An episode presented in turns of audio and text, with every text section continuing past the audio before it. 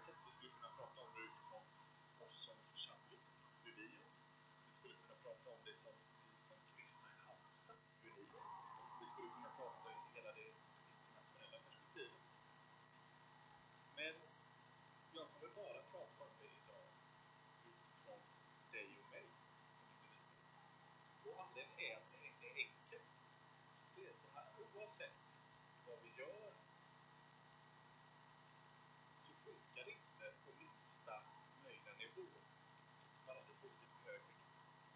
Alltså om jag har problem att hålla i mina pengar så kommer det inte funka bättre om jag har hela församlingens ekonomi eller mitt företags ekonomi. Eller om vi i vår lilla hemgrupp inte lyckas välkomna nya människor så kommer vi aldrig lyckas när vi samlas som hemgrupper tillsammans en söndag att kunna välkomna nya människor. Så att allting som funkar på en större nivå måste börja med att funka på en mindre nivå. Ofta tänker vi lite tvärtom, att vi vill få det att funka stort och så hoppas att det sipprar ner. Men i många ämnen är det precis fel, utan vi måste se hur, hur blir detta möjlighet i mitt, mitt eget liv? Hur blir det möjligt i, i min hemgrupps liv? Hur blir det möjligt i min församlingsliv? Och sen på stan och land. Så idag ska vi titta på oss själva utifrån en positionering. Och jag kommer börja med tre stycken mer ämnen utifrån mer att rikta in oss. Du kan tänka er den här predikan lite som en fjällvandring. Alltså att man behöver justera lite eh, men vart ska vi gå? Vilken, vilken karta, vilken kompass? Alltså ställa in riktningen för att gå. Det kommer vi först höra och sen kommer vi prata lite om själva gåendet. Så det är vad vi har i sig Ja, ställer det sådär till och eh, vi ska börja med första delen. Och det är lätt att börja i missionsbefallningen som slutar på när Jesus säger att vi ska gå ut och Och vi kommer komma dit snart. Problemet är att om vi börjar där så är det risk att vi har missat vad Jesus har gjort med sina lärjungar under flera år. Så vi behöver hoppa tillbaka lite och det finns ett bibelord som jag tror är centralt för oss. Och det är ett ganska lustigt bibelord, för det är fariséerna, alltså de, de riktigt hängivna religiösa som vill sätta Jesus på prov, sätta honom på plats. Detta vill hitta någonting som de anklagar honom för. Och i det så kommer de och då ska försöka hitta någonting som han säger fel eller gör fel. Och då undrar de, nej men vilket är det viktigaste i Gamla Testamentet? Det är den undan. Och det här kommer från Matteus 22, 26. Och är frågan så här, Mästare, vilket är det största budet i lagen? Och då svarar Jesus så här, du ska älska Herren din Gud med hela ditt hjärta, med hela din själ och med hela ditt Förstå, Detta är det största och första budet. Sedan kommer ett av samma slag, du ska älska din nästa som dig själv. På dessa båda bud vilar hela lagen och profeten. Hela lagen och profeten är det alltså det judiska sättet att, att prata om hela Gamla Testamentet. Så när Jesus då säger, men ska vi sammanfatta hela Gamla Testamentet så det handlar det om att älska Gud på alla sätt som går.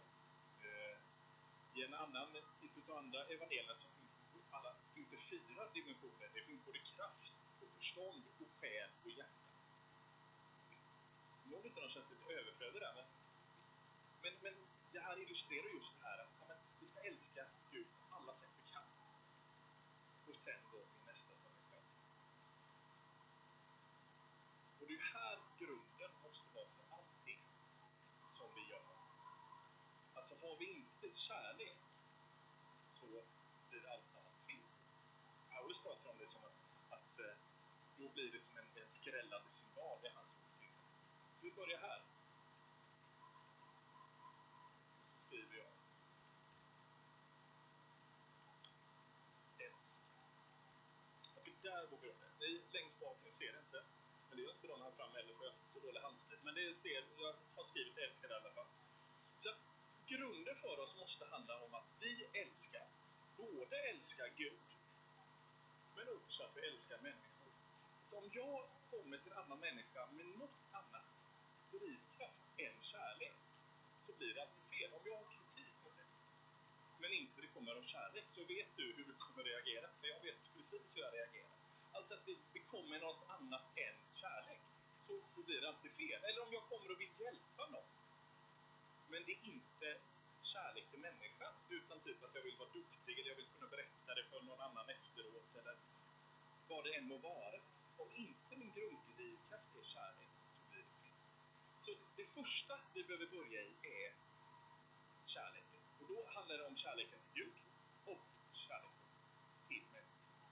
Så att vi behöver, och har vi inte det här så behöver vi då börja i, ja men Jesus, ge mig den kärleken om jag inte tycker att det här är så viktigt, ja men ge mig kärlek till dig så jag förstår att du är så viktig att jag vill ge dig vidare. Så att grunden måste vara vår kärlek. Vi kommer till nästa cirkel. Det är nu vi hamnar i det Jesus då säger i Matteus Då säger han så här. Åt mig har jag getts all makt i himmel och jord. Gå därför ut och gör alla folk till lärjungar. Döp dem och lär dem hålla alla de ord och se, jag är med alla dagar Vi pratar ofta om det här som där Jesus sänder ut sina, sina lärjungar, sina efterföljare.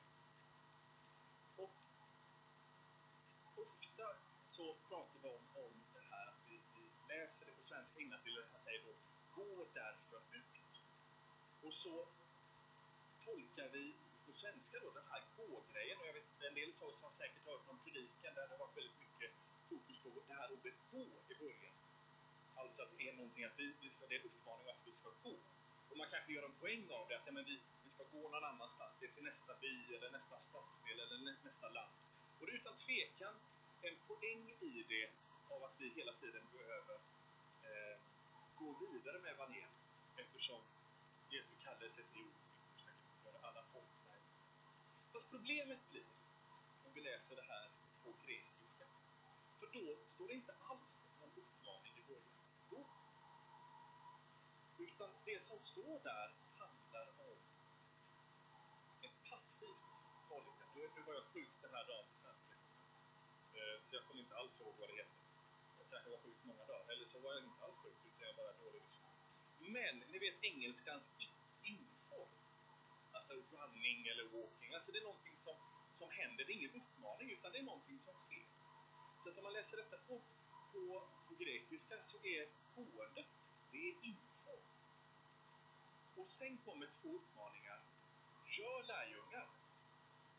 Och så står det då, hur ska vi göra? Jo, men då ska ni döpa och lära dem att vad, vad, vad innebär detta? Jo, det innebär det som Jesus säger är, ja men när ni går genom livet, det är inget gå någon annanstans, utan när ni går genom livet,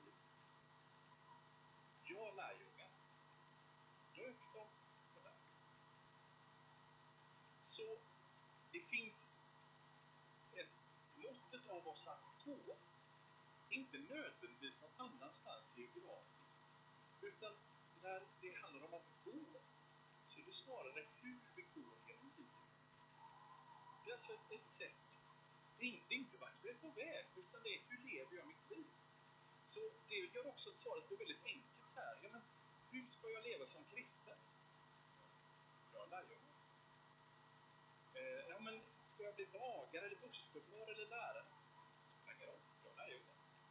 Ska jag bo i, i, i Vellinge eller i Sunne eller i, i Irak? Ja, Bra lärjunge.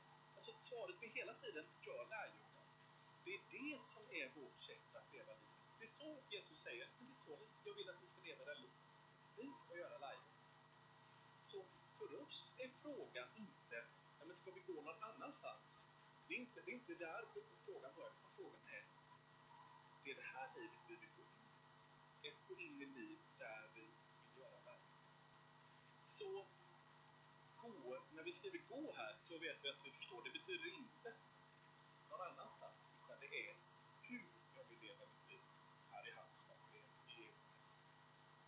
Så vi har vårt älska, kommer ihåg då.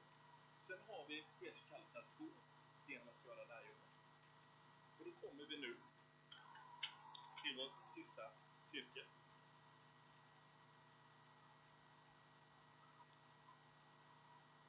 Och den sista cirkeln ska jag läsa upp.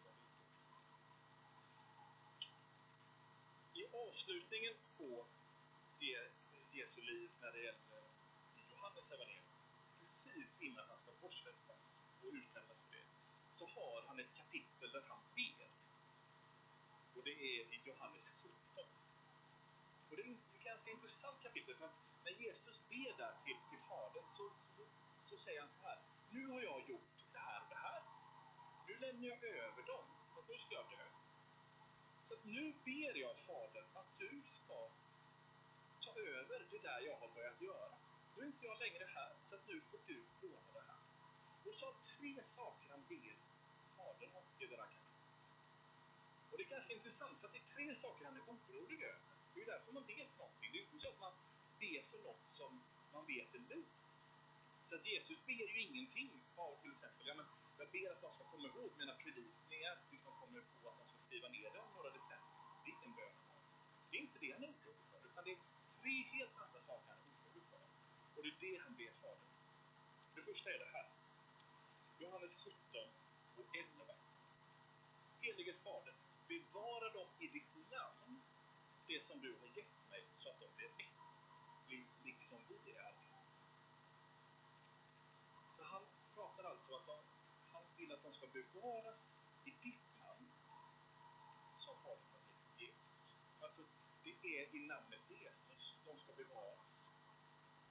Det är det, det, och vi vet det här från många andra bibelord, alltså att bekännelsen av Jesus är viktig. Och vi vet också i tider när kyrkan har varit under, under hårt, hår, hårda tryck, så är det bekännelsen av Jesus som man vill få oss att avstå från.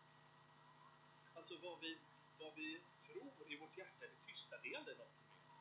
Men det är vår offentliga bekännelse så att man vill att människor ska offentligt till exempel säga men du får offentligt säga att du inte tror på Jesus, då kan du få leva. Och det är precis det här han vet kommer bli, att men det kommer bli problem för dem i bekännelsen av mig. Så jag ber att du ska bevara dem i det namn som du har gett dem, så att de blir ett, liksom vi är ett. Så det är den första biten. Sen fortsätter han några verser senare. Fyra verser senare så säger han så här, jag ber inte att du ska ta dem ut ur världen, utan att du ska bevara dem från det Först innan vi pratar om den här texten så behöver vi bara fundera lite på världen. Ordet världen i Nya Testamentet är lite problematiskt. Och det används om två saker som är diametralt olika. Vi har vissa ord om världen, som den här till exempel. Amen. Eh, att du ska ta dem ut ur världen. Ehm, och sen har vi till exempel att, att eh, Johannes skriver i 3.16 Men så älskade Gud världen att han sände sin son. Sen har vi andra ord som handlar om så här, Paulus skriver det, men anpassa er inte efter denna värld. Eller när Jesus säger att, att eh, ehm, härskaren över den här världen är dömd. Så plötsligt ser vi att det är helt olika saker vilket är att ibland står världen för människorna på jorden. Så att när Gud säger jag älskar, så älskade Gud världen så innebär det ju människorna på jorden. Och ibland står världen för det här jordens system. För att vi har många gamla flygplanteckningar och inte med dagens. Ehm, då står jord, världen för den här jordens system. Alltså ett ett, ett eh, ogudaktigt system som har vänt Gud ryggen. Så när vi varnas för världen så handlar det ju om världens lockelser och själviskhet och, och att vända Gud ryggen. Men när vi kallas in i världen så handlar det om till människorna i världen. Så att när Jesus här då säger jag ber om att du inte ska ta dem ut ur världen utan att du ska bevara dem från det onda. Så handlar det om att han inte vill att vi ska komma bort från människorna i världen. Alltså han vill inte att vi ska isolera oss, bli, bli en egen liten kristen enklav där bara vi, han, han säger ju, men jag vill att ni ska vara i världen och vara mitt folk, salt och ljus, allting vad vi kallar det Och han, för han vet det här att det finns en, en risk för oss att dra oss bort från människor som inte känner honom och bara hänga med likasinnade. Om det är riktigt eh, extremt så är det ju att vi, vi flyttar ut och så har en liten, egen liten by på, på landet. Det har en del kristna gjort historiskt och så är det bara de där. Men jag tänker, för mig är det ju lika, lika mycket i mitt liv, men vilka är det jag umgås med? Eller vilka är det jag, eh, jag ringer? Eller vilka är det... Alltså, den, den formen av distansering är inte lika påtaglig, men den kan vara väldigt tydlig. Vem kommer innanför min ytterlighet? Så här är ju andra grejer Jesus är väldigt eh, ja, men orolig för. Alltså att ber Fader, ja, men jag ber att de inte ska dra sig bort från världen, utan att du ska bevara. Så den andra bönen är Den tredje bönen, lite senare i Johannes 17, vers 1, så säger han så här. Jag ber att de alla ska bli ett, och att liksom du, Fader, är i mig och jag i dig, också de ska vara i oss. Då ska världen tro på att du har sänt Här pratar han då om att ja, men, det finns en risk för splittring. Det finns en risk för konflikt. Det finns en risk att de kristna går iväg och bildar massor med olika samfund, till exempel. Ja, ganska påtaglig risk nu med facit i hand. Men just det här, alltså att, att det finns en inbyggd konflikt i, i eh, konflikter och separation hos kristna. Så han ber, han ber att de ska vara ett, precis som vi är ett. Och det är inte så enkelt, svårt att se de här tre, Jesu tre rädslor och tre böner, att, ja, men, att de har varit befogade. Men det som ligger bakom de här bitarna är ju att i början handlar det om då bevara dem i ditt namn som du har gett mig så att de blir ett, liksom vi är ett. Det var första biten. Andra var att jag vill inte att de tar dem ur världen utan ska bevara dem. Och sen då, jag ber att de ska ett, liksom vi är ett. Allt det här så ser vi. Jesus hela tiden refererar till och säger det, precis som, som vi, du och jag, Fader, vi är ett. Du är mig, jag är dig. Så är det, ska de vara tillsammans. Det finns hela tiden ett tillsammansperspektiv. Och då den sista blir väldigt tydlig, där, där splittringen är den, den tydliga varningen. Men det är inte, jag ber att de inte ska splittras. Alltså det finns någonting av oss att vara tillsammans som är helt fundamentalt. Tittar vi i Tittar vi Jesus till exempel, hur han var med sina lärjungar, så är det hela tiden med två och två, ibland är de större, men de är aldrig ensamma. Aldrig ensamma i något läge. Till och med det mest banala uppdraget i princip i hela Bibeln, det är alltså att gå och hämta en ung, en ung åsna och sen ta den till Jesus. Knappast ett jobb för två män. Vilka fick vad göra? Jo, inte ens hämta en åsna får man bort. Så att det varje uppdrag Jesus ger är alltid två, minst. Och ibland har vi, har vi skrivit om lite kyrkohistorien här och tänker att det är betydligt mer individer än vad det är. Till exempel det vi kallar Paulus tredje missionsresa. Det är nästan 25 pers med på. Men vi kallar det för Paulus tredje. Det är en person vi pratar om.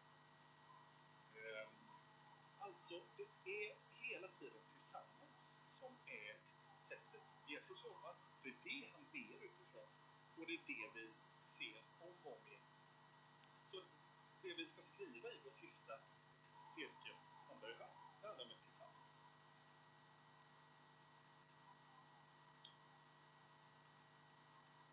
Alltså att vår... När vi sänds ut av Jesus så gör vi det utifrån att vi älskar. Vi vill gå, alltså vi vill, vi vill leva vårt liv på ett sätt som andra människor får se och bli efterföljare av. Alltså vi vill göra andra till lärjungar. Men vi vill inte göra det själva, utan vi vill göra det tillsammans. Det är ju här, i mitten, vi vill vara. Jag tror många av oss har, har, eh, har själva eller varit med någon annan, eller mött någon annan där man märker att ja, men det är mycket att man, man vill gå. Och man kanske går tillsammans, men det är inte kärlek. Utan det är helt andra saker som är drivkraft.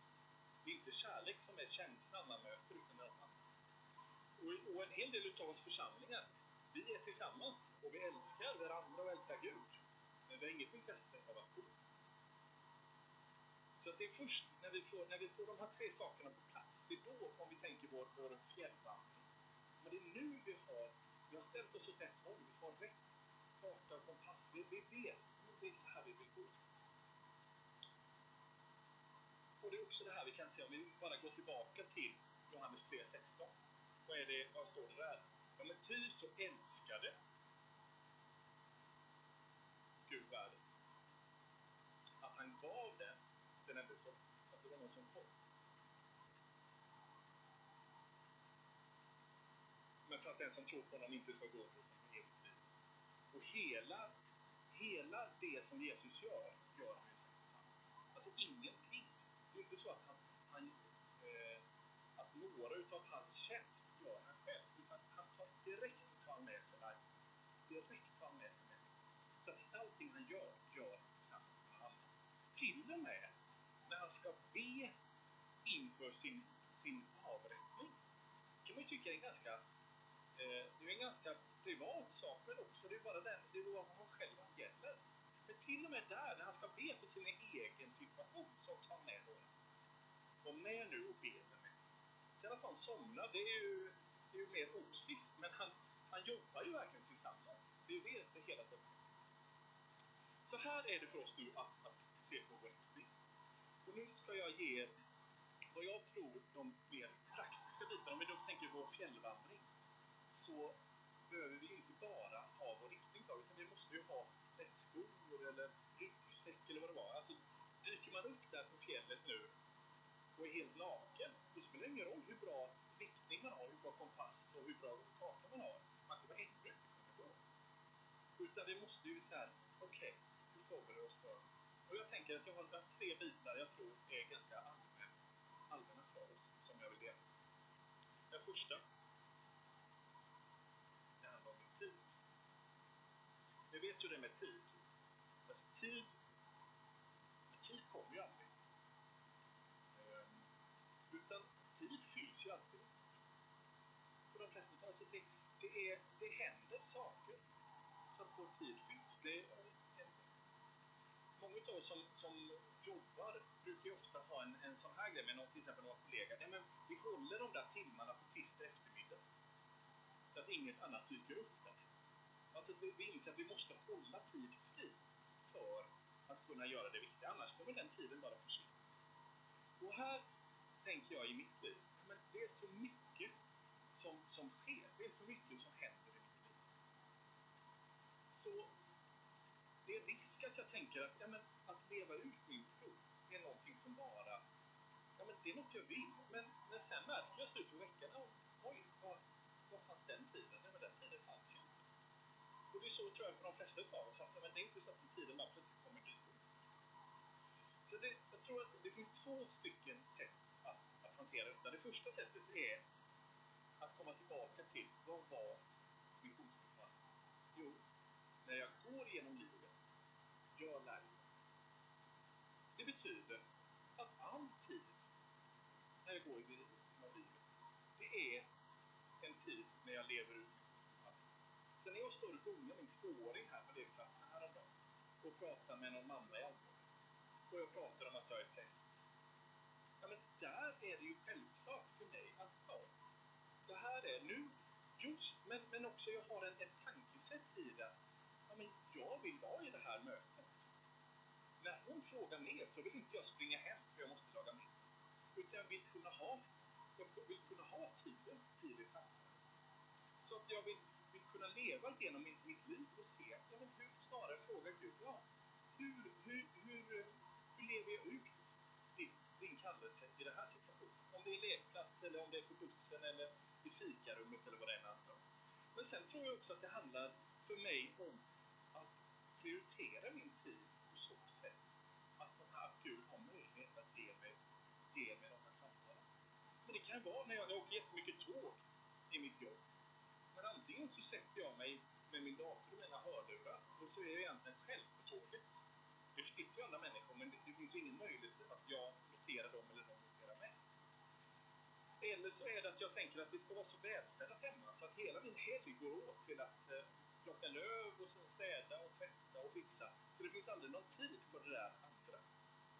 Och där där tänker jag för egen del så har min fru och jag sagt så här, nej men vi vill medvetet inte lägga för mycket tid på sånt hemma. Utan vi vill kunna ha tid att bjuda över en granne i fika. Igår var en typexempel. Jag var borta nästan hela veckan. Det är tvätt och det är skräp överallt.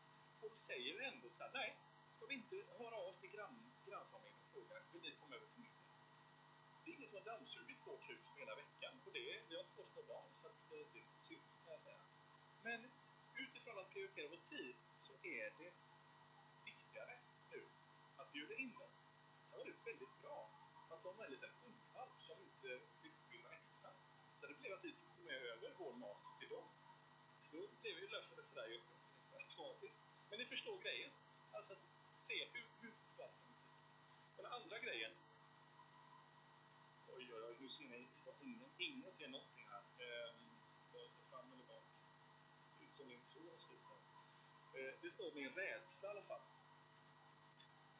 Min bakgrund och min historia handlar om att jag har absolut inte tyckt om det hade, ni, hade vi träffats för, för ett gäng år sedan så eh, skulle jag absolut aldrig haft en sån här predikan, eller det vi ska prata om senare. För jag var rädd för vad människor skulle tycka om mig. Jag var rädd vad jag skulle säga. Och jag var, ja, men tyckte bara det var obehagligt att prata om min tro. Intressant är att den här biten av vår rädsla tror jag inte försvinner. Ett bra exempel på det är när Johannes och Petrus har blivit inkallade till judarnas stora råd i början på apostlagärningarna. Stora rådet är alltså domstolen för den judiska kontexten. Och de blir utsläppta där med ett enda krav. Ni får gå härifrån om ni lovar att aldrig mer prata om Jesus. Det var grejen. Många av oss hade tänkt så här, Jesus, du släppte ut oss ur fängelset. Nu ska vi ta det lite lugnt och, vara försiktiga. Det är ju den spontana, så tänker jag. Läser vi däremot vad Johannes och Petrus gjorde, så samlas de, så ber de, så säger de så här. Eller ber de, ge dina tjänare frivillighet. Och sen fortsätter Och låt tecken och under följa oss. Med andra ord, vi är rädda. Du behöver ge oss frivillighet. Vi är rädda, det är därför vi ber om. Och sen säger de, och tecken och under kom. Alltså, vi vill inte ha tysta som oss, utan vi vill att det ska vara gjort även där du kommer Jesus. Så inte bara att, att vi vill ta, tona ner det, utan vi är rädda. Du behöver komma och hjälpa vår rädsla. Vi ber om frivillighet. Och vi vill att du verkligen ska vara här, Jesus, med din hand. Så vår rädsla behöver vi be för varandra. Att, ja, nej men jag det och acceptera det. Och sen se hur, hur blir detta någonting som inte får hända mig till den grad att, att jag bara är passiv. Ni som är kvar i eftermiddag, eller efter korven, så kommer vi prata lite mer om det här. Den sista grejen som jag ska ge er är hjälp, skriver jag ner. Vi pratar här om tillsammans en av de stora poängerna av Tillsammans är att vi kan få hjälp av Jag sa att jag själv aldrig skulle kunna tänka mig att jag skulle stå här om vi träffades för ett gäng år sedan. Det jag har haft glädjen av, det är att jag har fått ganska mycket omedvetet fått hjälp av människor som jag har umgåtts och jobbat med. Människor som lever ut sin tro på ett mer naturligt sätt än vad det har varit för mig. Och de har verkligen hjälpt mig. Hur, hur eh, vad jag kan göra, vad jag kan säga, hur jag kan tänka. Och i den här hjälpen och mycket av min rädsla. Så i den här hjälpbiten, ja, men det kanske är att jag kopplar mig med, med en människa eh, och säger men du verkar ha lättare för det här än jag. Hur kan jag hjälpa? Hur kan jag lära mig? Det finns bra böcker. EFS har gett ut en briljant bok som heter Gräv där du står. Som till exempel har hjälpt mig jättemycket. Um, finns en, eh, jag håller i en, en onlinekurs som heter Träning för att dela evangeliet. Börjar igen i januari för något av er som är intresserade. Det är också ett sätt att, att få hjälp med hur kan jag få hjälp? Rent praktiskt, hur jag kan leva på ett sätt där jag inte kan dela Och i den här hjälpen så blir det också ett sätt där vi är tillsammans. Alltså, där jag inte är ensam med min rädsla. Jag är inte ensam med att jag tycker det är svårt tid. Jag är inte ensam i att jag behöver hjälp. Utan att där får jag stå tillsammans. Om det är i min hemgrupp eller i goda relationer eller hur det än var, det spelar alltså ingen roll. Utan vår poäng är ju att ja, men, det är tillsammans vi hittar hjälpen. Som, som vi har, Paulus har ofta bilden av, av, av oss som en kropp. Han pratar om att, att en del lider så lider alla. Men omvänt är det också. Men att när, vi, när någon del gläder så får en annan del glädja. Så för att sammanfatta det här så behöver innan vi börjar gå, innan vi börjar göra någonting så behöver vi titta på de här tre cirklarna. Alltså att vi behöver veta vad vår drivkraft är. Det är kärleken till Gud och det är kärleken till människor. Det är det som driver oss. Kommer vi inte förbi där så får vi be Gud om mer kärlek till honom och mer kärlek till människor. Nästa cirkel handlar om, om gåendet. Men inte då självklart någon annanstans utan snarare hur jag lever. Jag vill leva mitt liv så att andra människor blir där. Det är så jag vill leva. Och sen är jag inte i det där ensam utan vi är tillsammans väldigt tydligt tillsammans. Och det, när, vi, när de här tre sakerna är det är där vi kan leva ut det missionen som, som Jesus har tänkt. Det är här vi kan ha positionerat oss för missionen. Men rent praktiskt också när vi positionerar oss i det här så behöver vi se över vår tid. Vi behöver se över våra rädslor och se men, vad är det jag är rädd för och hur hämmar det Och också se vad är det för hjälp jag behöver. Utanför eller i min församling eller på vilket sätt. Och I det här, när vi... Det är nu vi kan stå då, lite om vi tar tillbaka till vår, vår eh, fjällvandring. Det är ju där vi står. Vi vet nu åt vilket håll vi ska gå. Vi vet kartan och kompass. Och vi har också rätt. Eh, vi har rätt kläder på oss. Vi har tid. Eh, vi, har, vi har frilagt tid eh, hos oss. Vi har, vi har sett, vi ser på vår tid kanske på ett annat sätt. Vi vet också att vår rädsla, det är inte det, jag vill inte att det är det som, som hindrar mig. Det är inte det. Jag kommer vara rädd, men det är inte det som hindrar mig. Jag vill ändå. Och också, jag har hjälp. Och i den hjälpen så finns det alltid tillsammans. Så där står vi då Tänk Jag nu att vi ska få be tillsammans med det här. Och efter den bönen så får vi fortsätta i lovsång och i förbön. Det jag också möjlighet för personer Vi har ju koll på det, det vet inte jag. Men någonstans här inne kommer det finnas personlig förbön. Men nu ber vi tillsammans. Jesus, vi tackar dig för men den du är och det du har gjort fundera utifrån de här cirklarna först, alltså det här om kärleken till dig och också kärleken till andra människor. Jesus, att, eh, ja, att du ska ja, ge oss ännu mer